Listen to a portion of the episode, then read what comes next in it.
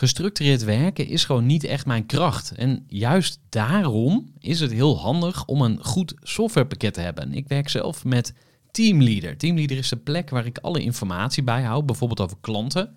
Waarin ik offertes maak en verstuur en die digitaal laat ondertekenen. Waarin ik facturen verstuur, waarin ik lijstjes bijhoud, waarin ik projecten kan managen, waarin ik standaard e-mails kan programmeren.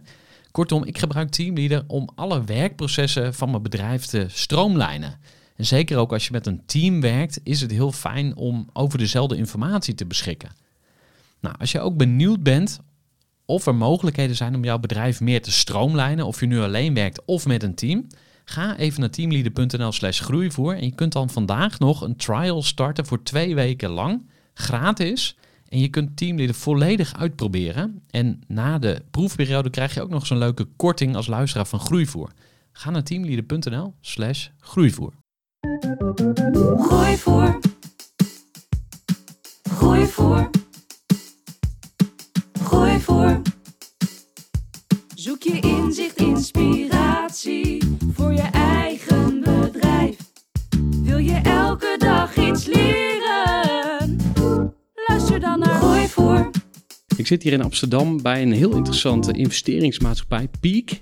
En uh, ja, ik zit hier met niemand minder dan Johan van Mil. En hij heeft ja, eigenlijk alles gezien op het gebied van investeren.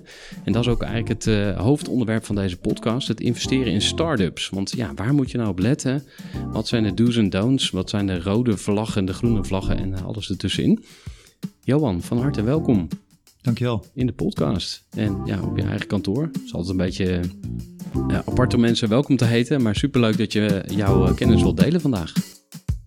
Voor de kennis en ideeën van een interessante gast. Die zijn verhaal met jou wil delen. Luister je naar Gooi voor. En ik begin maar meteen met de eerste vraag. Om wat meer gevoel te krijgen bij jou en je roots. Mm -hmm. Wil je ons dus meenemen in hoe je bent opgegroeid. En voorstellen aan de kleine Johan? De kleine Johan. Uh, opgegroeid in Drunen, Brabant. Echt een Brabander. Ik ben die uh, Brabantse accent ben ik onderweg ergens verloren. Jongste van een gezin van vier kinderen. Best wel turbulente jeugd gehad. Um, en daardoor ook als kind best wel ontspoord al op jonge leeftijd. Wat je als, uh, achteraf als ondernemer en investeerder best wel weer wat wijzer maakt. Ja, weet je, bijvoorbeeld van school afgestuurd, van dat soort dingen allemaal. Best wel wat nou, dimensies gehad als, als, als kind. En dat bepaalt denk ik ook heel erg hoe je later ook in het leven staat. En hoe je later ook gewoon als mens ook acteert en naar het leven kijkt. Ik heb ook een hele gekke schoolopleiding gehad. Ik heb echt MAVO, MBO, HBO, universiteit gedaan. Dat zegt ook wel veel denk ik over je ontwikkeling als, als kind.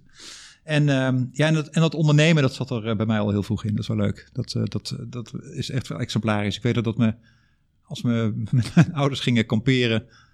En uh, we waren in Frankrijk en we kwamen uit op een camping. Dan gingen zij de tent opzetten, et cetera. En dan liep ik al over de camping heen. En voordat die, die, die tent was opgezet, had ik al overal vriendjes gemaakt. En had ik overal deeltjes gemaakt, et cetera. En dat heeft zich eigenlijk mijn hele leven voortgezet. Dus best wel, ja, best wel makkelijk in het maken van contact. Best wel makkelijk ook in het opzetten van dingen. In het ondernemen en het doen. Dat zat echt wel, wel vroeg in mijn genen. Ja, en als je zegt turbulente jeugd, is, zie, zie je het ook een beetje als dramatisch of zo? Mm. Of, want uh, je was een soort uh, radical of een soort James Dean of een soort rebel of zo? Of hoe, hoe, hoe, zou je het zelf nee, nee, typeren? Nee, nee, nee. Mijn, mijn, uh, toen ik jong was, mijn moeder is lichamelijk en geestelijk invalide geraakt. En dat zorgt er eigenlijk voor, zeker als je de jongste van het gezin bent.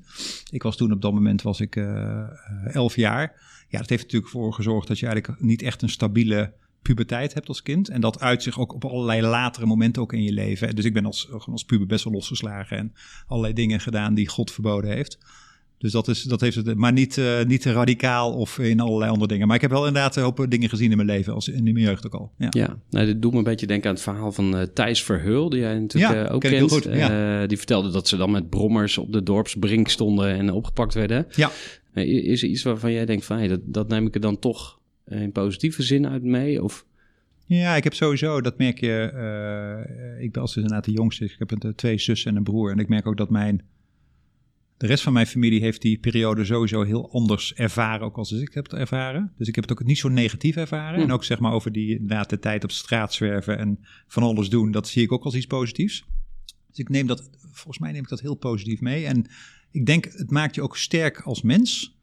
Mits je daar natuurlijk op een goede manier mee omgaat en ook later in je leven gewoon goed mee omgaat. Dus het heeft mij ook heel erg ja, bewust gemaakt dat enerzijds, ik bedoel, mijn moeder kreeg echt gewoon een ongeluk en was van het ene op het andere moment eh, invalide. Dus dat, dat je gezondheid en dat je ook echt heel blij moet zijn voor wie je bent en wat je doet en hoe je leeft, dat dat heel belangrijk is. Dat is volgens mij het ene. En het tweede is dat je daardoor ook met heel makkelijk met heel veel mensen ook gewoon contact maakt. Dus ook, ook in allerlei gekke situaties. En je hebt heel veel gezien. En dat, die bagage, die, dat neem je gewoon mee uit je rugzak. En dat merk ik dat me dat heel erg heeft geholpen in de rest van mijn leven. Ook in andere successen, maar ook tegenslagen die ik heb meegemaakt. Ja, dus misschien goed om eens eh, naar dat ondernemende stuk te gaan. Hè? Want uh, in mijn research kwam ik tegen dat je elf bedrijven hebt opgericht. Mhm. En uh, waar ik zo benieuwd naar ben, is of er een bedrijf bij zit waar je met plezier weer naar terug zou gaan. Dus stel je mocht teruggaan in de tijd, welk bedrijf zou je dan uitkiezen om gewoon weer aan te schuiven en mee te gaan knallen? Geen één. Nee. Nee, dat is wel grappig dat je het vraagt. Um, ik heb echt een aantal bedrijven inderdaad opgezet, maar ook een aantal bedrijven gewoon te vroeg uh, verkocht of gestopt of whatever, die ik veel verder had kunnen brengen, zeker achteraf gezien. Maar ik, um, uh, er was altijd een reden dat ik dat bedrijf stopte of verkocht of ergens mee verder ging. Dat was namelijk dat ik zelf waarschijnlijk ook niet meer daar veel meer in zag. Of met name mijn, als, mij als persoon en mijn energie en de passie die ik heb, niet meer daarvoor het beste kon inzetten. Dus het, is volgens mij niks, als ik nu terugkijk van waar zou ik nou echt, echt mee, mee uh, mee willen terugkeren. Ja, hoe het bij mij begonnen is, om je eerste vraag terug te komen als ondernemer. Ik ben, uh, uh, het is een grappig verhaal, de middelbare school waar ik zat, die MAVO. Doelbewuste MAVO in, in Elshout, we zaten op een dependance. En ik zat in Drunen op school. Wij wonen letterlijk tegenover de school. En ik moest naar een andere dependance. En daar bleef ik ook zitten, want daar was ik, daar ontspoorde ik enigszins. Maar dat was um, in, in Brabant. Met Drunen had je op iedere vrijdag had je de markt daar. En er werden stroopwafelkruimels verkocht, de resten van stroopwafels. Mhm. En ik had al redelijk door, snel door dat het een goede, ja, dat veel kinderen, uh, leeftijdsgenoten toen van mij, dat ook lusten. Dus mijn vader die kocht dat vrijdagochtend op de markt en die neem van, nam van die zakjes mee. En dat kostte destijds 15 cent, 15 gulden cent destijds nog. En ik verkocht die vervolgens middags op school voor 30 cent. En naarmate het later werd, uh, op een gegeven moment kwam ik al een beetje achter de prijselasticiteit, werden die kruimels ook duurder, want dan was de trek hoger. Dus ik heb de eerste keer nam ik een zakje mee, verkocht voor 30 cent, kocht ik er twee, et cetera. Dus op een gegeven moment reed mijn vader met de stationwagen vol met kratten met stroopwafelkruimels naar school. En ik had mijn eigen steentje op de school ingericht en stond dingen daar de, die hele middag te verkopen. En dat is in ieder geval, als ik terugkijk, wel het eerste moment, een van de eerste dingen dat ik denk van ja, dat was een, het is niet een bedrijf geweest, maar dat was wel, toen was ik al in mijn ogen een bedrijf aan het bouwen, zeg maar. Ja. En dacht ik al na, ook over schaalbaarheid, prijselasticiteit, et cetera. Ja. En, en, en van wie kreeg je die genen mee? Mijn vader. Ja, oké. Dus, en dat was ook een handelsman of een ondernemer? Of ja, hoe, uh, ja, hoe, een ondernemer. zag dat eruit? Hij had een uh, verzekerings, uh, was verzekeringsagent. Dus hij komt eigenlijk uit de boerenfamilie, ook uit Brabant. Dat heeft zich daaraan ontworsteld.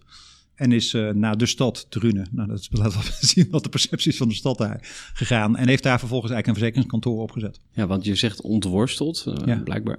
Waarom? Nou, omdat je natuurlijk als je uit, echt uit een boerengezin komt, zeker uit die konterij, dan is het eigenlijk wel redelijk logisch dat je ook in het boerenbedrijf of een ander boerenbedrijf gaat starten.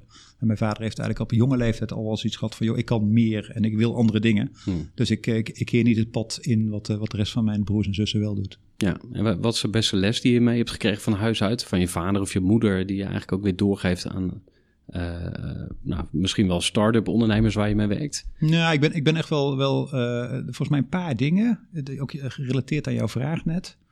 Zo'n jeugd is best wel natuurlijk heftig en ik denk we maken allemaal heftige dingen mee in het leven. En daar kunnen we op heel veel manieren mee omgaan. Dat zie ik ook wel in mijn omgeving, dat, dat sommige mensen daar anders mee omgaan. Maar volgens mij kun je altijd wel alles, kun je, kun je ergens wel je kracht uithalen. En je kan ook alles positief bezien. Ik denk dat is wel iets wat ik heel erg in mijn genen zit en wat heel erg mijn, mijn ouders mij ook hebben meegegeven. En een tweede, je doet eigenlijk altijd eh, gewoon enorm je stinkende best voor. Dus hard werken, dat zit ook wel heel erg in mijn genen. En dat vind ik ook heel moeilijk om als ondernemer, maar ook als investeerder, om eens dat middagje vrij te nemen. Wat ik overigens wel regelmatig doe, maar ik vind het wel moeilijk. Dus bij mij zit die knop altijd aan. En er moet altijd gewoon het maximale uitgehaald worden. En dat is ook de rol die ik hier binnen heb bij Peak. Van, dat weet ook iedereen in het team. Als Johan binnenkomt, dan is het namelijk nooit genoeg. Er moet altijd meer. Ja. En het moet groter en het moet sneller. En dan niet, eh, hopelijk op een positieve manier. Maar ik wil altijd meer. En dat zit heel erg vanuit mijn jeugd eigenlijk ingebakken. Ja, en, en train je dan ook de andere kant? Of heb je daar eigenlijk al soort van vrede mee van ja, ik ben nou eenmaal een harde werker. eh, ik, zal, ik zal in het harnas sterven, zo gezegd. Nee, nee, dat ontwikkel ik heel erg. En dat, eh, daar ben ik me ook heel erg van bewust. En ik denk, op jonge leeftijd was ik er niet van bewust. Maar dan Mm. ik denk naarmate je ouder wordt en kinderen krijgt... en ook merkt dat je dit leven ook niet voor eeuwig kan volhouden op deze manier... ga je dat gewoon Jammer. wat beter eh, doen.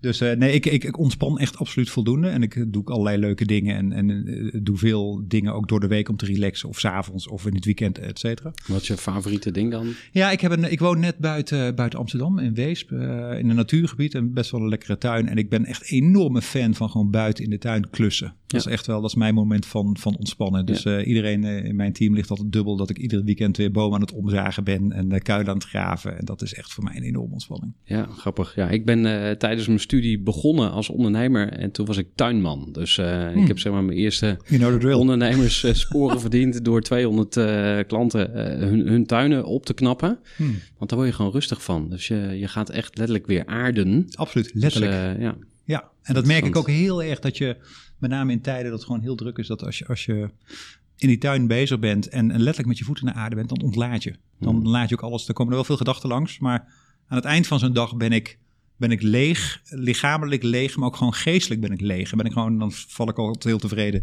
op de bank in slaap of in bed of slaap. Maar En, en komen er dan ook inzichten tot je? Heb je wel eens gehad dat je... Ja, wat, wat is dan een, een voorbeeld daarvan? Dat je dacht van, hé, hey, toen had ik ineens dat nou, inzicht. ik, zet, ik, ik, ik, ik weet nog dat ik mijn composthoop aan het omgooien was. Dat moet je, dat zoals is een jij hele al zei, ja. techniek, hè? Ja, exact, ja, je moet er regelmatig omgooien. En, en ehm, toevallig belde net eh, een paar dagen daarvoor, of de dag daarvoor, belde Remy Gieling, bij jou waarschijnlijk wel Mhm. bekend, hoofdredacteur van Sprout. Die belde mij en zei, joh, ik ga weg bij Sprout. En, eh, en ik liep al langer rond met het idee van een podcast. En ik was echt mijn composthoop aan het omgooien. en toen bedacht ik mij ineens van, hé, hey, wacht even. Ik bedoel, Remy weet veel van startups. Ik weet veel van investeren en ook wat van exits, ook wat ervaring mee. Wat nou als we inderdaad een podcast gaan maken over exits. En we gaan eigenlijk ondernemers interviewen die net hun bedrijf hebben geëxit. En we doen dat in Europa, allerlei tech-ondernemers. Dat zou heel interessant zijn voor één, voor de luisteraar. Want ja, we weten allemaal als ondernemer, dat gaat omhoog, maar het gaat ook wel eens omlaag. En dat is fijn als je wat lekkere inspiratie krijgt, wat positieve verhalen ook. Ja. En twee, het helpt ook ons als Peak natuurlijk om ons merk op de k- kaart te zetten. Maar derde, ja, onze investeerders als Peak, dat zijn allemaal ondernemers die allemaal hun techbedrijf hebben verkocht. Ja, daar willen we natuurlijk ook een netwerk in opbouwen in Europa. Dus het, Het en dat, snijdt aan vele kanten. en dat inzicht dat kreeg ik echt letterlijk tijdens het eh, omgooien van mijn composthoop. Dus ik krijg inderdaad heel veel ideeën op het moment als ik zo in de tuin bezig ben. Ja. Ja.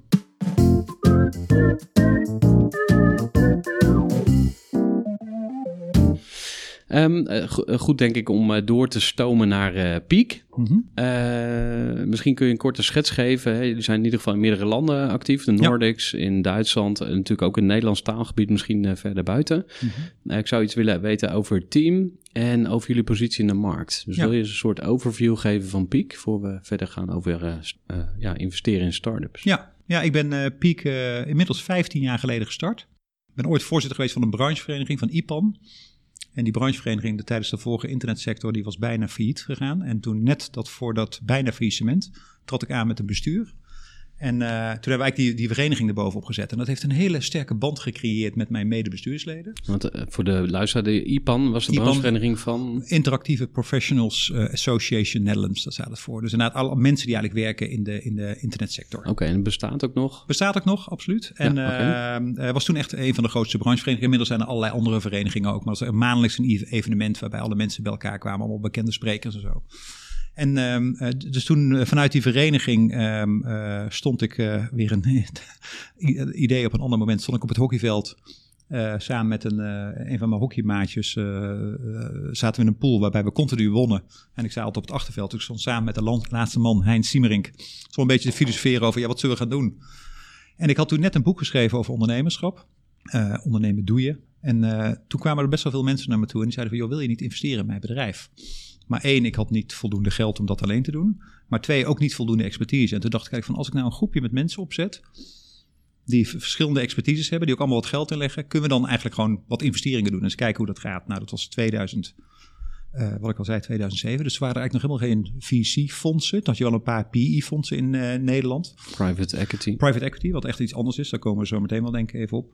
En zo ben ik vanuit die optiek, heb ik een aantal mensen bij elkaar gezocht. Wat enerzijds bestond dus uit mijn teampje van mijn, sorry, mijn maatje van mijn hockeyteam, Hein.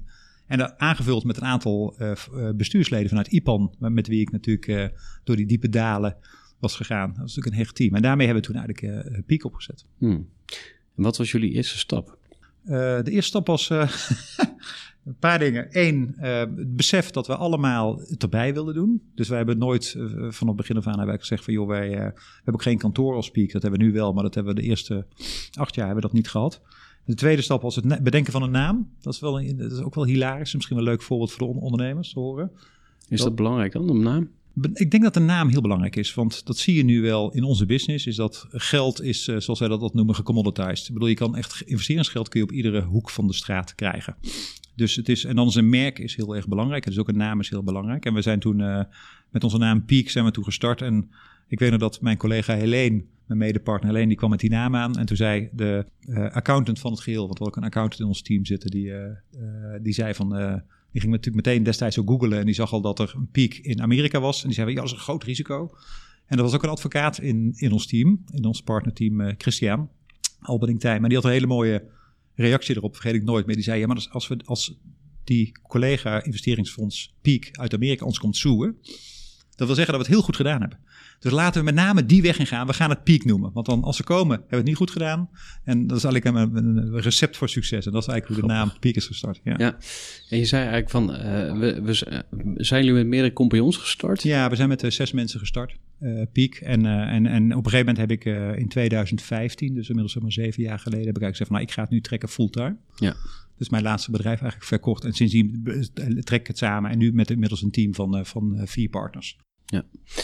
Misschien goed om dan eh, de scope te kijken eh, van waar zitten jullie in de markt. Hè? Je noemde net ook al even de, wat, wat vaktermen, hè? de VC en de PE. En eh, wil je gewoon de, de Ja. Jip en Janneke versie geven van... oké, je wilt groeien, je zoekt groeigeld. Wat zijn dan je opties? En waarom zouden mensen dan bij jullie komen? Dus Ja. wat is jullie marktpositie? Ja, wat, wat doen we als Peak? Dat is denk ik wel goed om even toe te lichten. Nee, dus als je kapitaal gaat, gaat, gaat ophalen, zoals de laatste Thomas Mensink al in jouw podcast zei, heb je natuurlijk heel veel verschillende bronnen van kapitaal. Je kan eh, aandelen uitgeven. Nou, dan ga je naar investeerders toe. Dat kunnen zijn angels, dat kunnen zijn investeerders zoals wij, venture capital funds of private equity partijen. Of je gaat eigenlijk geld lenen. Dat is eigenlijk de hoofdbron. En dan ga je vaak naar een bank of naar andere financiële instellingen. Nou, wij zitten dus echt op die aandelenkant, op die equity kant. Dus wij, wij nemen ook een belang in een bedrijf. En het verschil eigenlijk tussen VC en PE, dat weten heel veel mensen niet, maar PE die neemt eigenlijk een meerderheid van de belang. Die heeft ook altijd gewoon meer dan 50% van de aandelen. En zij bepalen dus ook wat er gebeurt binnen zo'n bedrijf. Dus zij zijn eigenlijk eigenaar van een bedrijf en bepalen het. Zij vervangen ook vaak het management, et cetera. Is dat fijn of juist niet? Ja, dat kan. Dat ligt aan de fase. Ik bedoel, als een, een ondernemer zijn bedrijf verkoopt en die gaat, die gaat weg, eh, dan is het vaak nodig om daar natuurlijk gewoon een nieuw team neer te zetten. Mhm. Eh, van de andere kant, als je inderdaad als ondernemer er zelf in zit en je wordt vervangen, dan is dat niet fijn. Maar dat is eh, nee, vaak hoe, hoe PE werkt. VC, Venture Capital, neemt altijd een minderheidsbelang in een bedrijf. Dus dat is altijd een, be- een belang van minder dan 50%. Vaak in de praktijk een beetje tussen de laten we zeggen 10 en 30 procent wat, eh, wat een VC heeft. Dat wil zeggen dus dat we ook geen controlerend belang hebben. Dus de founder, de oprichters, die blijven zelf in de driving seat zitten. Ja, wij helpen hem als investeerder om natuurlijk gewoon eigenlijk plannen te realiseren met kapitaal, met kennis en met netwerk. Dus dat is eigenlijk het grote verschil. Dus VC zit, investeert vaak ook in, in bedrijven die wat vroeger zijn, PE wat later. VC zijn vaak ook bedrijven die gewoon heel snel groeien, die vaak verliesgevend zijn. PE investeert in bedrijven die winstgevend zijn. Die gebruiken ook natuurlijk de winst om extra geld vervolgens te gaan lenen. Heb je daar eh, voorbeelden bij, dus eh, van, van beide? Van een, zeer verliesleidend eh, bedrijf en, nou, en een... al- al- alle bedrijven die wij allebei kennen, die zijn, ik bedoel, mijn collega's die gingen net eh, even de koelkast hier bijvullen. En die bestelden bij Gorilla's even boodschappen. Ja, dat is natuurlijk een er zwaar. eens heel veel geld bij. Ja, we, we hebben wel eens naar die sector gekeken, maar dat betekent echt dat we op iedere bestelling maakt zo'n bedrijf verlies, weet je wel. Dus de unit economics, zoals je dat noemt, die zijn, zijn heel negatief. Terwijl, ja, Albert Heijn, dat is gewoon een winstgevend bedrijf. Dat is natuurlijk veel meer mature, veel, veel, veel, veel ouder en ook veel daardoor gezond, gezond winstgevend, maar veel minder snel groeiend. En Gorilla's gaat natuurlijk eh, door het dak heen. En Picnic zit er dan tussenin of zo? Of hoe, hoe zou je die dan... Ja, Pic- Picnic is volgens mij ook nog steeds verliesgevend. Ze zijn natuurlijk nog steeds een netwerk op het opbouwen. Maar die, ja, als die op een gegeven moment natuurlijk een bepaalde buurt hebben waar die karretjes rondrijden, dan worden die karretjes ook efficiënter. Dan dalen de bezorgkosten en dan wordt zo'n wijk of zo'n stad wordt ook winstgevend. Dus vaak is, is, is venture capital is echt in de vroege fase van bedrijven. En voor ons als VC zitten dan de zogenaamde angels. En dat zijn de, de ondernemers die vaak zelf een bedrijf hebben verkocht. Of wat geld ergens hebben verdiend. En dat eigenlijk zelf in een, in een, eh, in een bedrijf investeren. Even een korte onderbreking met een belangrijke vraag aan jou. Want wat heb jij geregeld voor het geval je van de ene op de andere dag zou komen uit te vallen? Wat gebeurt er dan met je bedrijf, maar vooral wat gebeurt er met jou persoonlijk en ook in financieel opzicht? Samen met ASR voerde ik drie openhartige gesprekken over tegenslag en veerkracht. En dat deed ik met Saskia, Vincent en Pieter. Ondernemers met een bloeiend bedrijf die van de ene op de andere dag niet meer konden werken.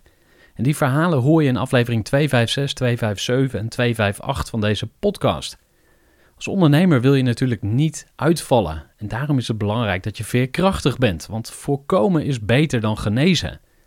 En als het dan toch misgaat, is het fijn dat je iets geregeld hebt, zodat je weer snel door kunt met ondernemen. Wil je weten hoe veerkrachtig jij nu bent? Vul dan in twee minuten de veerkrachttest van ASR in. Ga naar asr.nl slash veerkrachttest ondernemers. Ja, En dan misschien even als eh, jouw tweede vraag was van hoe, hoe past wel Speak daarbinnen dan? Ja. Dus wij zijn als Speak zijn we een venture capital fonds wat investeert in, in softwarebedrijven, marktplaatsen en platformen. Dus wij kiezen echt voor een focus op een bepaald businessmodel. En wij kiezen als speaker voor om in, op een aantal regio's, een paar geo's zoals we het intern noemen, ons heel erg te focussen. Dus we zijn gestart als Nederlands fonds.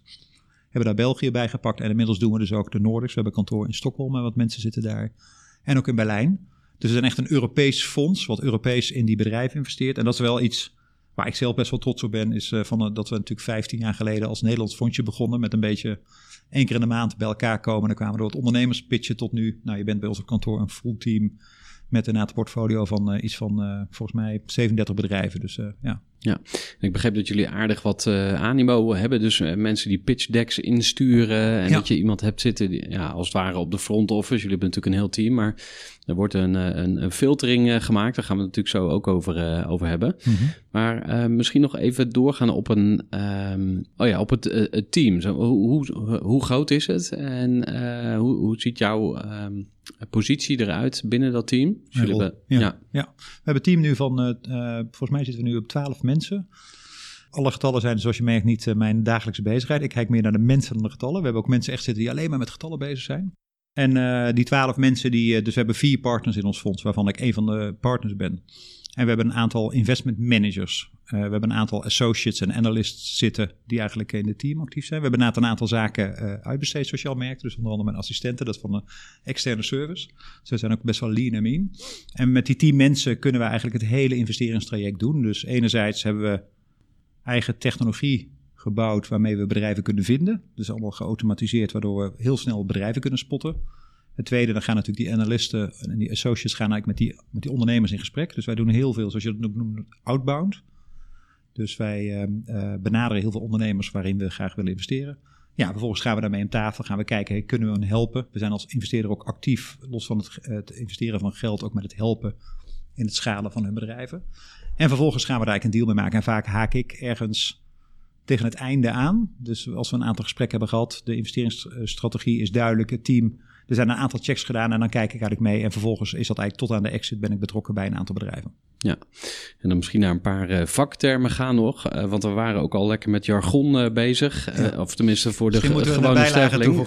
Ja. maar ik noem even de, de, de ticket size. Hè. Ik, Ja. ik luister naar die podcast van Thomas, dus daar komt het ook voorbij. En ticket size is eigenlijk gewoon het bedrag waarvoor een investeerder meedoet. Ja. Die informal investors, hè, de angels, de, de, de ondernemers die wat geld over hebben, die, die, die zitten misschien wat, wat in- lager in de bedragen, een tonnetje of zo of twee. Ja. Eh, waar zitten jullie? Waar begint het voor jullie? Ja, wij doen een beetje vanaf 250.000 euro tot 3 miljoen doen met ons fonds. Mhm. Dus we hebben een fonds van 66 miljoen euro nu wat we momenteel aan het investeren zijn. En daarmee kunnen we tickets inderdaad doen in die range. Dus wij nemen het vaak ook het stokje over van angels. Dat zien we ook best wel vaak. Hmm, En Ja. hoe werkt dat dan precies? Ga je, eh, koop je ze dan uit of zo? Of mogen ze nog wel even blijven? Ja, of hoe gaat die transitie? Afhankelijk van. Ze kunnen blijven zitten waarbij wij als nieuwe aandeelhouder gaan toetreden. Dus er worden de nieuwe aandelen uitgegeven. Of wij kopen inderdaad angels uit. Ligt een beetje aan, aan hoe de situatie is. Kijk, het liefst willen wij natuurlijk dat het bedrijf, dat het geld in het bedrijf gaat en dat het geld aangewend wordt om groei te realiseren. Dus we houden er niet heel erg van om aandelen uit, eh, sorry, uit te kopen. Maar soms moet dat wel eens omdat er iemand heeft behoefte aan liquiditeit of er is iets vanuit het verleden of wat dan ook. Ja. Ja. Dan eh, naar de investment thesis. Een term die eh, tot een half jaar geleden ook nog niet tot mijn vocabulaire eh, behoorde. Maar eh, ehm, dat is eigenlijk een soort van bij wijze van spreken op, op één A4'tje de tien geboden van waar een, een investeerder zich aan houdt. Hè? Dus Mhm. de- jullie regels, jullie ground rules van oké, dit is hoe wij het doen. En eh, waar ik vooral naar op zoek ben, eh, ook in deze aflevering, is ehm, eh, dat zijn universele principes die elke ondernemer kan toepassen op zijn eigen bedrijf, maar ook op start-ups. Dus stel je bent ondernemer Mhm. en je denkt van, hey, ik wil eigenlijk een nieuw bedrijf gaan starten. Waar moet je dan op letten? Dus daar ga ik oh, straks ook nog wat vragen over stellen. Maar misschien eerst even naar jullie investment thesis, als die Mhm. er is. Mhm. Wat, wat zijn eigenlijk de top drie dingen waarvan je zegt van, hey, dat is hoe wij het doen? Ja, nou, dat is, dat volgens mij één ding. Wij zijn een ondernemend fonds. Dus we zijn gefund door ondernemers, wat ik net al vertelde. Dat is onze, onze achterban. En waar wij kapitaal hebben opgehaald, is natuurlijk vanuit onszelf, maar ook vanuit ondernemers. Dus wij zijn enorm ondernemend, ook hoe wij peak runnen, maar ook hoe we naar bedrijven kijken. En je hebt grofweg heb je twee, twee soorten fondsen eigenlijk in de markt, eh, heel erg hoog over categoriserend. Dat zijn de consultants en de analisten en zeg maar meer de bankers, maar meer de financiële mensen. Spreadsheet ridders. Spreadsheet zeggen. dat is een hele mooie term inderdaad. En, en het tweede is inderdaad meer de ondernemers. En wij zitten echt aan het ondernemende profiel. En dat merk je ook hoe wij eh, eh, inderdaad bedrijven assessen en hoe we met ondernemers samenwerken. Dus dat is, dat is denk ik één, wat heel erg eh, diep in onze genen zit. We noemen dat zelf ook wel eens, dat toen we onze, met ons nieuwe merk bezig waren, is een goede combinatie, een combinatie tussen gut feeling en deep on data. Weet je wel? Dus wij willen eigenlijk allebei zijn. Het is niet alleen maar dat je het zonder data kan, maar je kan het ook niet zonder gut feeling. Dus dat is, even, dat is, één wat wij heel duidelijk vinden. Het tweede, en dat is een beetje van afgeleid, is wij kijken heel erg gewoon naar de mensen waarin we investeren. Dus wij investeren heel vroeg in bedrijven. En dat we eigenlijk zeggen dat als je zo vroeg investeert, dan is er eigenlijk één factor die eigenlijk bepaalt of dit succes is of niet. En dat is, hebben wij in ieder geval het geloof in, dat is het team. Dus wij steken heel veel tijd in het kennen van die ondernemer. En dat zit in het, in het, in het, in het ontmoeten van, van deze ondernemer bij hem of bij haar thuis. Dat zit in, in, in het doorgronden van het profiel van die ondernemer. Dat zit in het, in het, in het praten met kijken naar de motivatie. Maar het zit ook in dat wij altijd in complete teams eh, investeren. Dus nooit in single founders, maar altijd in eh, teams die, die compleet zijn. Maar twee die bevolker ook divers zijn. Dus niet alleen maar witte mannen van tegen Op de witte 50. sneakers. Het staat ook witte sneakers. Die, Nee, dat viel me wel op toen ik hier rondliep. Ik zag allemaal, allemaal jonge eh, urban professionals op witte sneakers. Ik heb ze zelf ook aan. Dus, Maar diversiteit, vertel eens, hoe, hoe ziet dat er dan uit? Ja, dus, dus de- daar is ons team ook afgeleid van. Dus wij ehm, eh, eh, practice what you preach. Dus ook binnen ons team, het was 50%, maar nu is dat volgens mij in ons team is eh 40% van de, van de mensen is eh, eh, vrouw, van de, van de teamleden is vrouw. Ook qua leeftijd heb je goede spreiding, ook qua etniciteit. Ook qua ehm, eh, seksuele voorkeur heb je een goede spreiding. Dus wij geloven ook wel echt dat we als Peak, als we een rol willen nemen in, in, in het diverser investeren, dan zullen we daar zelf ook een voorbeeld van moeten geven. Dus dat is één. En ik geloof ook echt, en dat is ook aangetoond, dat diverse teams echt aantoonbaar succesvoller zijn. Niet alleen als ondernemer, maar ook als investeerder. Dus dat, daar, zijn we, daar zijn we dus zelf ook een exemplarisch voorbeeld van. Dus dat is zeg maar even denk ik aan die teamkant.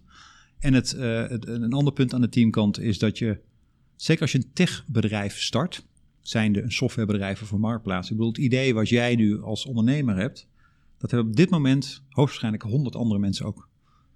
En toen ik ooit begon met ondernemen, toen eh, de, de kosten toen om een bedrijf te starten, die waren echt enorm hoog. En ook de tijd die het duurde om een bedrijf te starten was heel erg hoog. Terwijl als je nu een bedrijf wil starten, dan ben je, je hebt nu een idee en je bent echt letterlijk ben je morgen in business.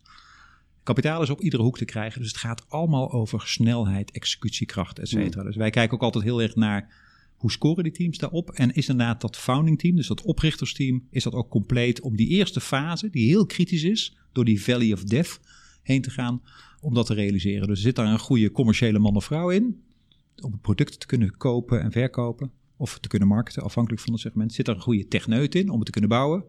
Maar zit er ook een goede, zoals we dat altijd noemen, een hipster in, die namelijk gewoon de business gewoon heel goed kent en zelf heeft ervaren en zelf weet hoe dat eruit moet zien.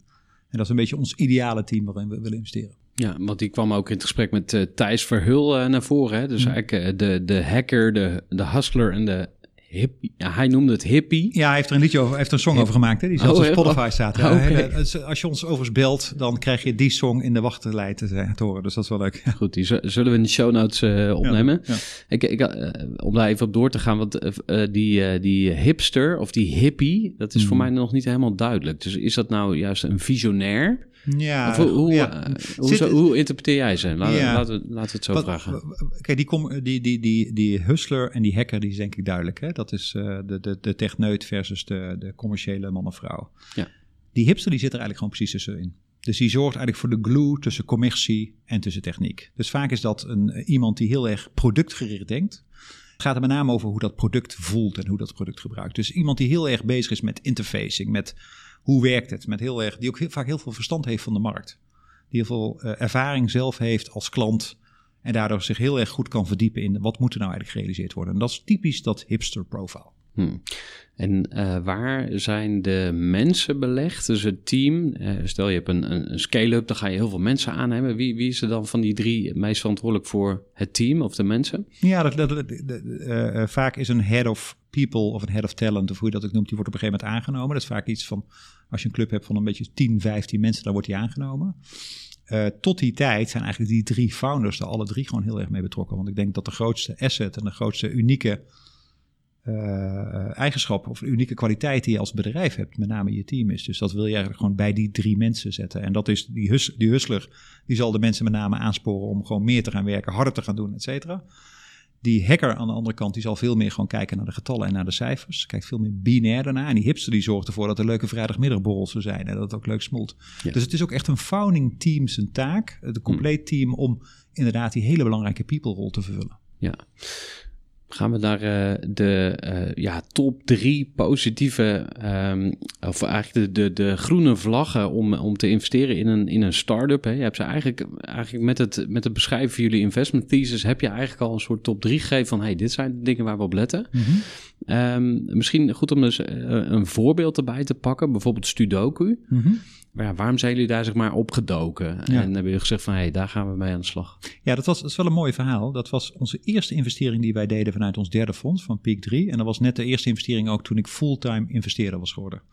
En toen, eh, ik ben toen eh, Peak 3 eh, ben ik eigenlijk gestart. Dat was eigenlijk een soort herstart van Peak. We bestonden natuurlijk al, maar toen ben ik er echt full voor gegaan. Dat heb ik even iemand vanuit de markt gevraagd om mij te joinen, Stefan.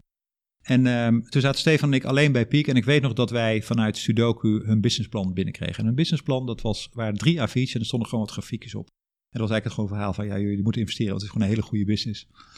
En ik weet nog dat ik het zag en ik dacht van, ja, wat is dit voor verhaal? Wil je gasten kunnen nog ineens een businessplan maken? Maar mijn collega Stefan, die was toen heel enthousiast over. Want die zag die grafiek en die is behoorlijk cijfergeoriënteerd. Dus die heeft het eerste gesprek met ze aangegaan en dat lag niet echt een businessplan. Maar er lag wel een, een, een, een, een, team wat inderdaad zeg maar even op die, die drie dingen duidelijk te mappen was. En ook duidelijk een, een, een team wat gewoon heel complementair was, maar ook heel echt intrinsiek gemotiveerd. Ze hadden al, alle vier ze in Delft gestudeerd en het waren een beetje Delfterik ook in hun discussies. Maar er zat een enorme drive achter, achter deze gasten. Dus dat is één. En twee is, ze hadden een heel mooi groeimodel. En dat vond ik heel interessant. Want ik ben zelf, eh, zoals je misschien hebt ge- gezien, ik heb gedoseerd ook op eh, universiteiten. En voor studenten is het best wel moeilijk om gewoon je voor te bereiden qua studie. En het product wat ze natuurlijk hebben gebouwd is, ja, je deelt content en je kan het, eh, eh, de content vervolgens, dus die proeftentamens en die samenvattingen kun je volgens kopen via je platform. En daar betaal ik een maandelijkse fee voor. En dat is een behoefte die heel veel studenten ook hadden. Dus ik kon dat al redelijk snel eh, valideren in mijn omgeving. Van jongens, hoe zit dat? Nou, dan heb je wel een beetje IP-rechten, eh, kunnen daar naar boven komen. Maar het tweede is, ja, ze zagen, je zag ook duidelijk in het gebruik van die studenten. Het is natuurlijk een heel meetbaar model.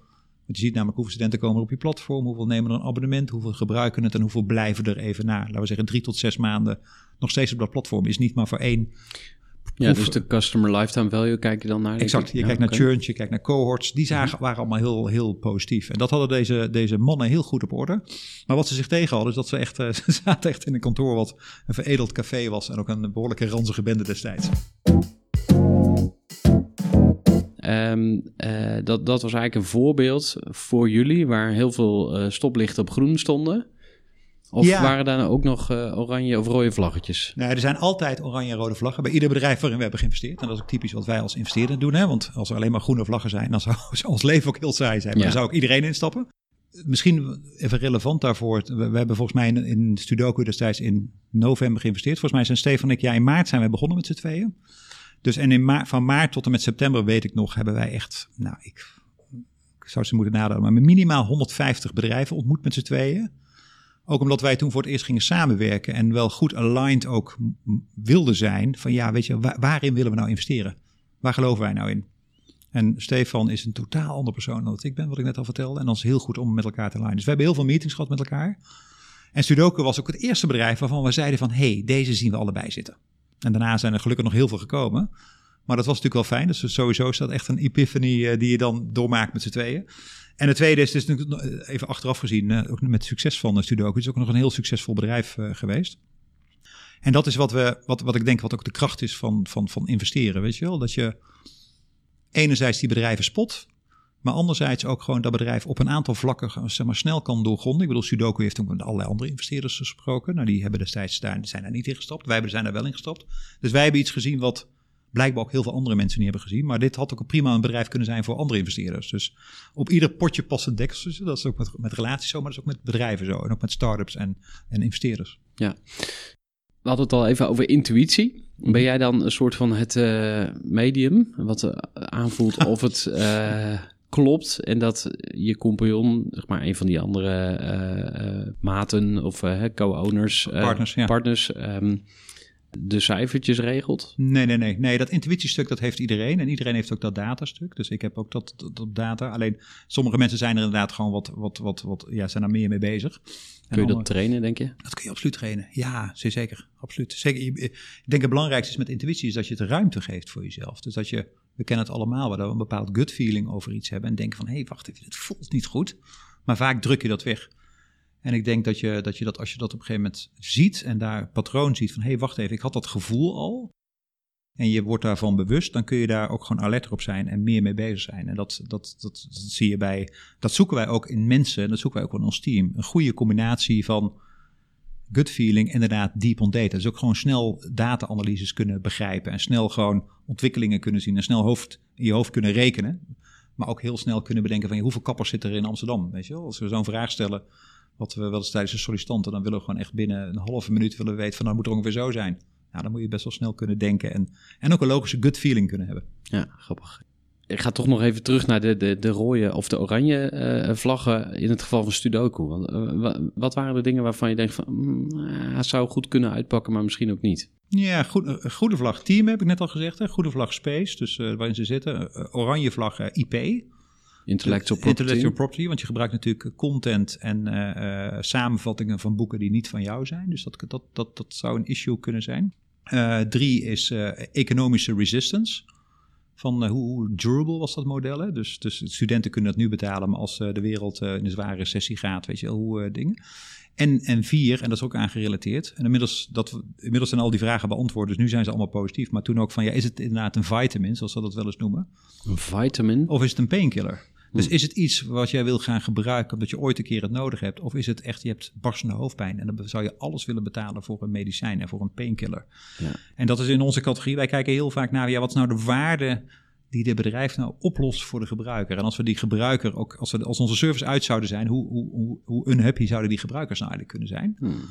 En dat is iets wat we uh, bij Studoku ook wel, dat was toen een vraagteken, weet ik nog. Ook, dat kreeg ik ook terug vanuit mijn onderzoek die ik even bij de VU toen deed, bij wat studenten. En die is wel heel positief uh, ook beantwoord, want ja, studenten die hebben natuurlijk gewoon, zeker natuurlijk in deze COVID-tijd die we, die we hopelijk, als dit wordt uitgezonden, net op de rug hebben maar um, uh, die uh, uh, ja, op allerlei andere manieren gaan studeren. Dus willen ze deze service ook gewoon blijven gebruiken, los van even dat rondje tentamens dat ze hebben. Um, ik, ik, was nog even benieuwd naar. Um, of eigenlijk wat ik interessant zou vinden is om, om de principes en de logica van investeren toe te passen op bestaande bedrijven. Dus mm -hmm. stel je hebt een bedrijf en je doet het al tien jaar. Mm -hmm. nou, jij bent al 15 jaar bezig. Mm -hmm. Uh, het zou maar zo kunnen dat je op een gegeven moment in een soort van ja, verveling of uh, een, een, dat, er een, dat je een plateau ontmoet. Hè? Dus dat zal elk, niet elk bedrijf meemaken, maar hè, je, je groei vlakt een beetje af. Mm -hmm. En waar ik zo benieuwd naar ben, en dit vind ik een van de grootste vragen aller tijden voor ondernemers: wanneer stop ik? En wanneer ga ik door? Dus wanneer ga ik door investeren en wanneer ga ik desinvesteren? Heb je ja. daar een idee bij? Ja, volgens mij, waar ik zelf altijd heel erg naar kijk bij dit soort vraagstukken, ook bij, bij mijn eerdere bedrijven zelf, maar ook binnen Peak, is ja, wat voor energie en wat voor lol haal ik er nou zelf eruit? Daar begint volgens mij dit soort vragen mee. Um, als ik ergens uh, in een situatie zit, en of dat nou een huis is waar ik woon, of een relatie die ik heb, of een bedrijf wat ik run, of een investering waarmee ik bezig ben, en ik krijg daar geen energie van, En ik heb ook geen zin in die volgende meeting. Dat is voor mij intuïtie en dus ook gevoel van hé, daar moet ik niet verder. Dus dat, eh, als ik deze Daar vraag moet beantwoorden, daar Ja, begint het mee. ja. Dus, en als je dan het signaal hebt, hé, wacht even, ik krijg hier niet meer de lol en energie bij, dan ja, als je een bedrijf hebt wat tien jaar bestaat en wat niet meer zo goed, dan is het voor ons als investeerder en ook voor een VC, maar ook eh, vaak voor een PE niet interessant. PE is iets vaker, maar voor ons als investeerder niet. Wij investeren in bedrijven, een beetje idee te krijgen. Dat groeit vaak tussen de ja, factor 2, 3, 4, 5 keer per jaar, year on year. Dus dat zijn enorm snel groeiende bedrijven.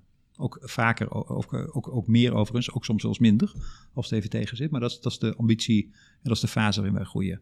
Dus dan gaat het over, ja, ik wil mijn bedrijf eigenlijk gewoon verkopen. Ik wil daar afscheid van nemen. Dan zou je inderdaad richting een PE-partij kunnen gaan, weet je wel. Ehm, maar wat je ook vaak ziet, is bij ondernemers die inderdaad maar even die tien jaar bezig zijn, is dat ze heel erg vervlochten zijn met dat bedrijf. Dat ze, bedrijf is eigenlijk hun eigen identiteit en zij zijn, eh, zij zijn het bedrijf. Dus om dan zo'n bedrijf vervolgens te verkopen, dat is ook heel lastig. Want immers, als jij weggaat, dan valt gewoon de energie en de power uit het bedrijf weg. De vent of de dame is de tent. De vent Eh, of de zo, dame, ja, de tent, absoluut. Dus eh, dan is het vaak verstandiger om dat eh, eh, hopelijk iets eerder te signaleren. En voordat die energie helemaal weggelopen is uit het bedrijf, een, iemand anders in het bedrijf te krijgen. En dat kan, kan een van de medewerkers zijn, maar vaak kun je er beter iemand extern voor, voor vinden. En vaak ook een- CEO of zo. Of een, ja, of, of, of, of, of een team van twee mensen of drie mensen. Ik geloof, ik geloof heel erg in die multi-founder teams. Hè. Ook in deze fase zie ik het ook echt, eh, echt heel erg goed werken. Die vervolgens dat stokje eigenlijk overneemt. Waarbij jij als, als eigenaar van een bedrijf en voormalig CEO van een bedrijf gewoon echt een, gewoon als aandeelhouder terugtreedt. En wat dan key is, en, en ik heb zelf ook eh, nogmaals een paar keer in de situatie gezeten. Het bedrijf was niet zo oud, maar wel dat ik het stokje heb doorgegeven is dat je ook als ondernemer ook afstand neemt. En, en dat wil zeggen dat je dus niet daar iedere dag, week of maand op kantoor moet zitten. Ja. Maar dat je gewoon één keer in het kwartaal even misschien belt. En het liefst één keer in het half jaar. En nog beter één keer in het jaar. Maar het loslaten. Want dan laat je deze twee, twee of drie mensen... laat je het ook echt tot wasdom komen. En laat je hun hun eigen succes gaan bouwen. En dan zul je zien dat dat groter gaat worden... dan dat jij het hebt achtergelaten. Alleen dat loslaten...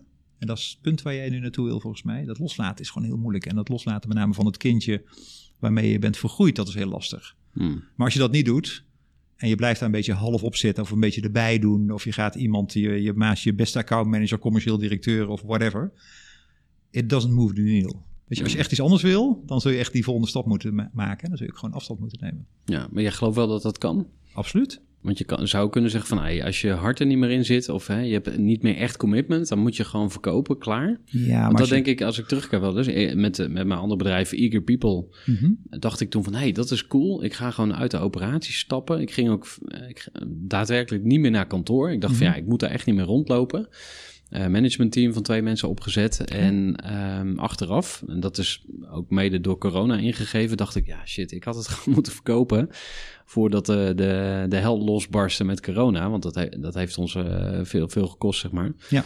He- heb je daar een advies over? Ja, is misschien een moeilijke vraag, maar... eh, Nee, als maar je- achter- ach- achteraf kun je natuurlijk altijd, neem je verkeerde beslissingen, dan neemt iedereen. Ik, ik denk op dat moment heb jij waarschijnlijk de meest logische beslissing genomen die er toen was. Maar je kon natuurlijk corona en de economic eh, effecten daarop natuurlijk niet, eh, niet voorspellen. Nee. Even, even, maar dat is inderdaad heel generaliserend en inderdaad algemeenstellend. Kijk, als je in een markt zit die interessant is, want het is ook afhankelijk van je markt. Hè. Groeit je markt nog? Kun je daar iets verkrijgen? Kun je daarin groeien, et cetera? Weet je, als dat niet het geval is, dan moet je, zul je zeker moeten verkopen. Als je markt interessant is en er is nog potentie in, en je hebt daar zelf geen energie van en je bent zelf de directeur-eigenaar die die kart trekt, en dat, dat doe je volgens mij ook, en je voelt zelf dat het energie aan jouw kant kost, dan gaat dat bedrijf gewoon niet verder komen. Dus dan is het inderdaad heel slim om daar twee nieuwe mensen binnen te zetten. Ik heb, heb je twee mensen laten doorgroeien of twee erbij gehaald extern? Ja, dat zie je heel vaak gebeuren. Ik heb zelf ook een paar keer eh, dat gedaan. Niet doen. Nee, en dat is eigenlijk is dat, dat, dat eh, studie, studies ja. laten dat ook wel zien. Dat, Oh ja? dat als de meeste de- de ondernemers wat die kennen ze en die vertrouwen en die kennen bedrijven, dus kunnen het ingaan op, de, eh, op het pad wat jij hebt ingezet als ondernemer. Dat is natuurlijk heel mooi. Maar dat is meteen ook de beperking, want die gaan namelijk jou kopiëren en jou nadoen, want jij bent immers het voorbeeld geweest. Dus als je het dan echt naar de volgende fase wil hebben, dan moet je eigenlijk iemand daar inzetten die daar gewoon ook wat geld liefst in investeert, ook mede-eigenaar van wordt. En dat hij met het geld wat deze persoon investeert, dat je daar een nieuwe groeiversnelling eigenlijk mee krijgt. Grappig, want het klinkt juist als een risico inderdaad om iemand van buiten te halen. Van ja, je kent die persoon niet. Wat als je gedonder krijgt? Maar Ja. jij zegt eigenlijk van je bent nog slechter af als je... Ja, ik eh, moet- of het risico dat het eh, blijft bij wat het was, zeg maar, Ja. eigenlijk groter. Ja, ik, ik, ik moet denken aan een bedrijf dat ik ook ooit een keer zelf heb eh, overgenomen. Sapenda was dat toen. En dat eh, ben ik toen begonnen. En dat was inderdaad van een paar mensen. En die hadden, eh, hadden een ander bedrijf daarnaast. En die deden dit erbij. En de energie was er een beetje uit. En ik heb het toen overgenomen. En ik heb een deel van die aandelen gekocht. En daarna nog meer aandelen gekocht, et cetera. En dat bedrijf, dat hebben we echt omgeturnd van, van de nieuwsbrievenleverancier tot een, ja, een e-mail databedrijf. En uiteindelijk heb ik dat ook verkocht na een aantal jaren. En dat bedrijf is echt veel groter geworden dan dat het ooit was geweest. Maar ook ooit had kunnen worden in die vorm. Hm.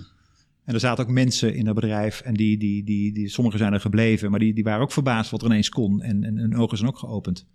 Dus ik geloof ook echt wat dat betreft wel dat, dat vreemde ogen dwingen. Dat is één. En, en twee, dat inderdaad controle eh, nemen. Maar het hangt af van die markt. Ja. Ja, en zijn er dan zinkende schepen volgens jou die je zo snel mogelijk moet eh, verlaten? Want ik, ik vroeg je van, ja, wanneer moet je gaan desinvesteren? Je zei Mhm. van, oké, het begint allemaal met je gevoel. Als je eigenlijk eh, het niet meer voelt en met tegenzin eh, naar je volgende afspraak gaat, dat is een heel duidelijk teken. Ja, absoluut. Dan kan je jezelf nog een beetje voor de gek houden. Want dat Tuurlijk. zie ik ook wel bij mezelf, maar ook bij andere ondernemers. Van eh, ja, maar nu, nu is de crisis. Ik ben blij dat het crisis is, want dan heb ik eindelijk weer problemen op te lossen. Ja, ja. Maar goed, dat even terzijde. En dan ehm, eh, een andere reden om te desinvesteren zou kunnen zijn.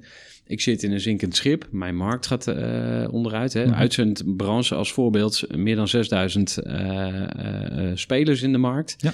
Veel online verdienmodellen. Mhm. Eh, hoe kijk je daarnaar? Zeg jij van, hey, de- wat zijn nou sectoren waar je zo snel mogelijk uit moet springen? Ja, ik denk, ik denk alles wat, wat ehm, eh, sowieso markten die declining zijn. Ik bedoel even, eh, kijk, ik heb zelf in de uitgeversector ook gezeten, maar bijvoorbeeld even uitgevers. Ik bedoel, het uitgeven van print, et cetera, dat is echt wel een moeilijke business. Dus ik zou heel erg kijken naar die economische tendensen die er gewoon eigenlijk gaande zijn. Dus dat is volgens mij wel een hele belangrijke. Ja, en, en, en als je dan wil gaan desinvesteren en zo'n bedrijf eh, inderdaad wil gaan verkopen, dan, dan is het denk ik ook altijd heel goed om te beseffen, ja, wat, wat ga je nou verkopen? Wat zijn nou de assets van jouw bedrijf? En hoe verder dat ligt van jou als persoon, hoe makkelijker dat te verkopen is. Ik bedoel, eh, to- toevallig ook een vriendje van mij die ik nu wel bij het, bij het verkopen van een bedrijf even wat adviseren, meedenk met hem. Maar ja, die is ook helemaal vergroeid met dat bedrijf. Dus als dat bedrijf wordt verkocht, dan een, een koper neemt dat over.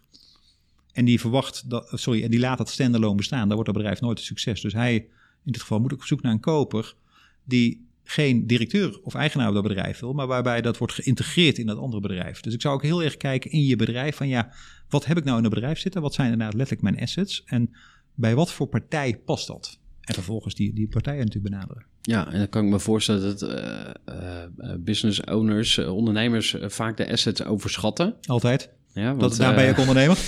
Precies. Ik, ik moet denken aan het boekje van eh, Rich Dad Poor Dad van Robert Kiyosaki, misschien wel eh, bekend. Waar hij, ehm, hij legt uit wat assets zijn en wat liabilities zijn. En een asset is iets wat geld oplevert terwijl jij niks doet. En een, een liability is iets, iets wat geld kost, wat risico met, met zich meebrengt. En ik dacht bijvoorbeeld altijd dat mijn auto dat dat een asset was. Nou, dat is het dus niet.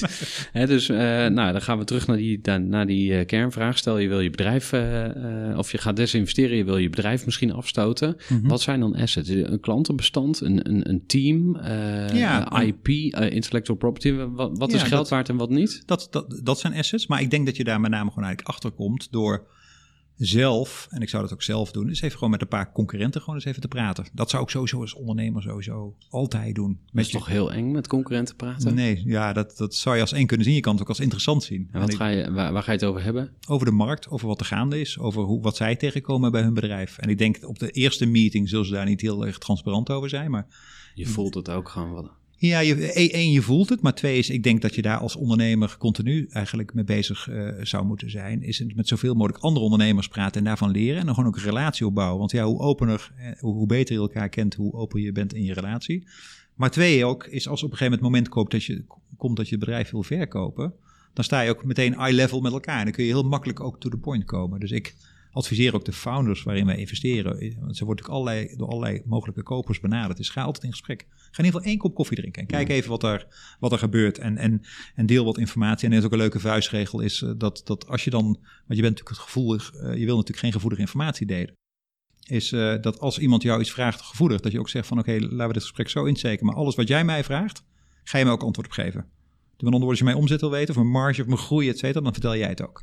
En dan Ah, creëer je gewoon dan creëer je gewoon een hele level playing field. Weet je? En dat zeg je natuurlijk niet op het eerste kopje koffie, maar daar zorgt er wel voor dat je een beetje informatie synchronicity hebt op dat moment.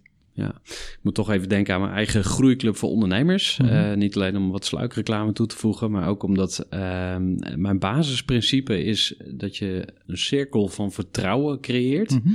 Waarbinnen je dus echt jezelf kan zijn als ondernemer. Waarin je dus ook je zwakke kanten, eh, als je het zo wil framen, eh, eh, ja, kwijt kunt. Hè? Dus je leert juist het meeste door jezelf echt onder ogen te zien. Absoluut. En dat is niet altijd leuk. Nee. En ehm, je kunt dus ook een cirkel van vertrouwen bouwen met branchegenoten. Mhm. Ik ben toevallig net een, mastermind groepje gestart voor podcastmakers die lekker bezig zijn. Dus dat zijn allemaal mensen die hebben prijzen gewonnen, net als ik. En die hebben eh, ambitie, die willen groeien als podcastmaker. En in plaats van dat ik zeg van oeh, ik ga jou niet vertellen hoe ik het doe. Hebben we juist gezegd, hey, we gaan kennis op één hoop Absoluut. gooien. Laten Ja. we het samen doen. Ja. En ik denk dat dat ehm, eh, ja, uiteindelijk mensen verder brengt. Mhm. Heb jij al zo'n soort van groepje? Heb jij een, een, een, een ja, vertrouwensgroepje of zo? Of hoe eh, kun je Ja, dat niet, niet, niet, niet, in zo'n officiële vorm, dat niet. Maar ik, ik praat heel veel met inderdaad collega-ondernemers, investeerders en heel veel vrienden natuurlijk in die groep. Ik heb een eh kookclubje waar allemaal ondernemers en, en dingen bij zitten waar ik één keer in de maand kook. Waarbij we ook heel veel dingen delen. En ehm, ja, en natuurlijk in mijn werk in als investeerder ben ik natuurlijk bij heel veel bedrijven betrokken. Bij heel veel ondernemers, maar ook bij heel veel andere investeerders.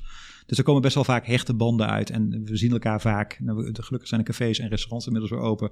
Dus kunnen ook wat vaker de horeca opzoeken. En daar worden natuurlijk goede banden gesmeed. En veel gedeeld ook met elkaar. En, en mijn ervaring zelf is ook als ondernemer... is van hoe opener jij bent in het delen van jouw eigen tekortkomingen... of learnings of angsten of whatever... hoe opener ook die andere kant is. En dat is denk ik ook wel... wel dus wat je geeft, krijg je ook daarin. Ja, en eh, trek je ook nog ergens een grens? Want eh, je vertelde over je, je, je compostvat eh, of je composthoop opnieuw doen, zeg maar. Ehm, je had het ook over mensen goed leren kennen. Dan lijkt het me ook verleidelijk. Tenminste, die gedachte is bij mij opgekomen. Laat ik het bij mezelf houden. Van, oh ja, dan ga ik samen met eh, mensen tuinieren om ze goed te leren kennen. Maar ik kan me voorstellen dat jij Ik zegt nodig, van, nou, ik nodig je liever van harte uit om mij te tuinen. Nou, dat, dat, die staat. We gaan samen een tuinwerkdag doen. Nee. Ja, maar- Nee, maar ik, ik probeer wel, wat dat betreft, wel eh, eh, ook privé en zaken een beetje te scheiden ook. Ja, en, en waar leg je dan de grens? Ja, dus, dus inderdaad, ik, ik, ik ga niet met mensen zakelijk allemaal in de tuin gaan lopen werken. Ik, ik ga regelmatig inderdaad de kroeg in met mensen en, en, en weet je, dat soort dingen allemaal wel. Maar ik probeer ook wel een privé za- zakelijk. Maar dat heeft veel meer te maken dat ik zelf ook gewoon de rust in mijn hoofd gewoon eigenlijk nodig heb. En, en gewoon met mezelf ook wel eens weer moet aarden. In plaats van alleen maar gewoon eigenlijk gewoon bezig zijn met performen, et cetera. Dus dat is ook een struggle waar ik natuurlijk zelf ook tegenaan loop. Ja, een verbinding met jezelf. En verbinding met eigenlijk. jezelf Ja. maken, absoluut. Ja, ja. Interessant. We gaan naar de laatste vraag. En ehm, de bonusvraag is: wanneer gaat er bij jou een fles champagne los dit jaar? Die staat hier op tafel. Eh, mede eh, aangeboden door eh, Jacqueline van Didonk. Dus huisleverancier van champagne bij de Groeiclub. Lekker.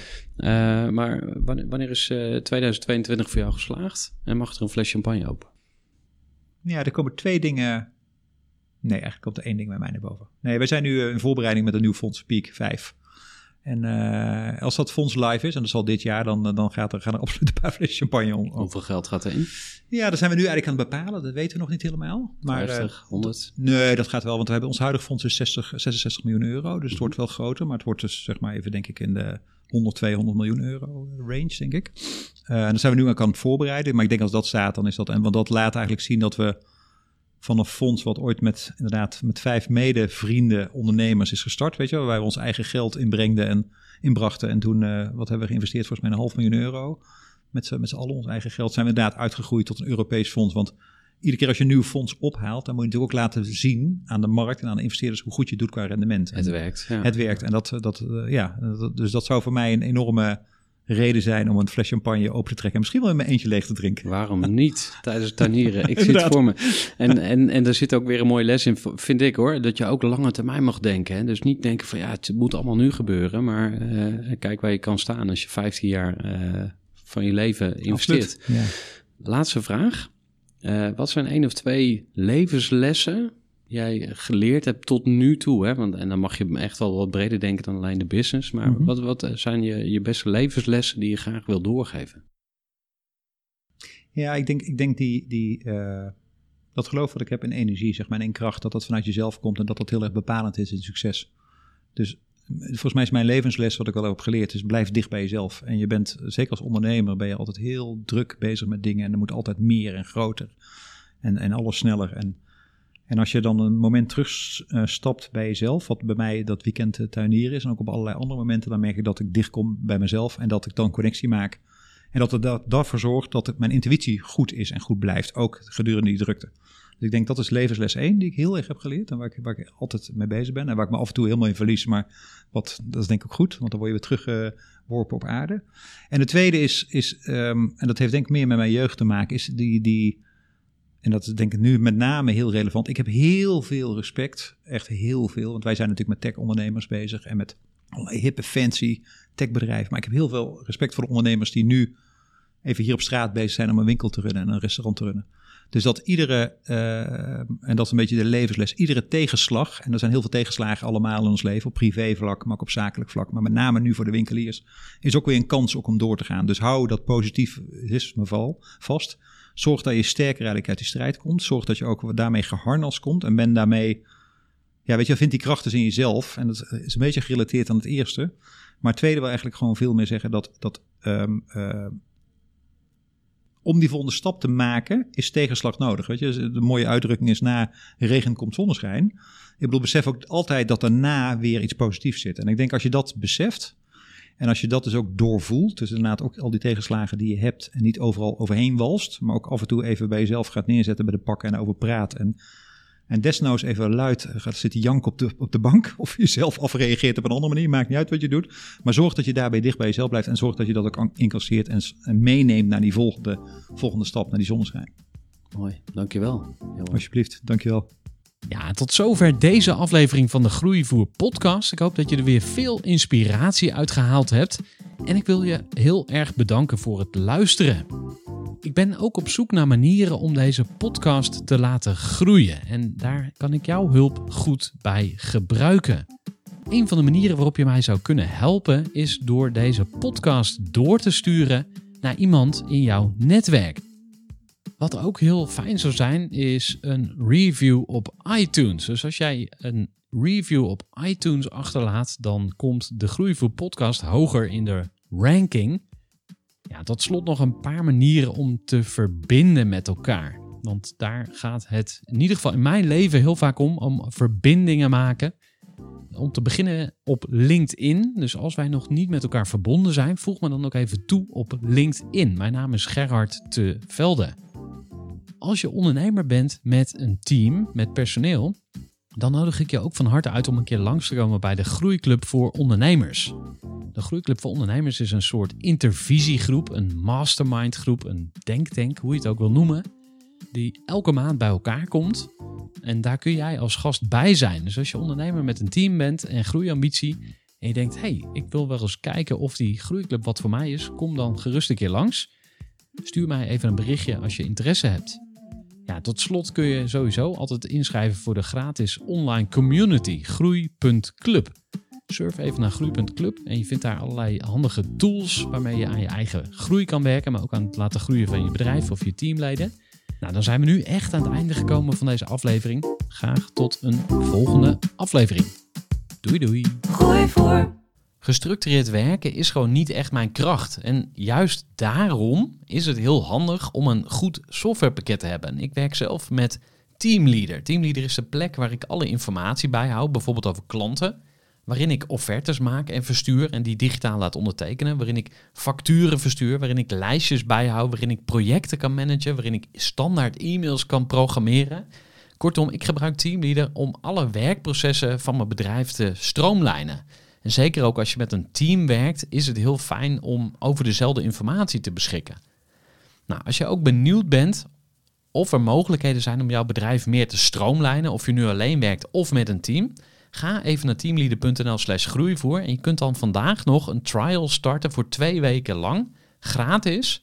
En je kunt Teamleader volledig uitproberen. En na de proefperiode krijg je ook nog zo'n leuke korting als luisteraar van Groeivoer. Ga naar teamleader.nl slash groeivoer.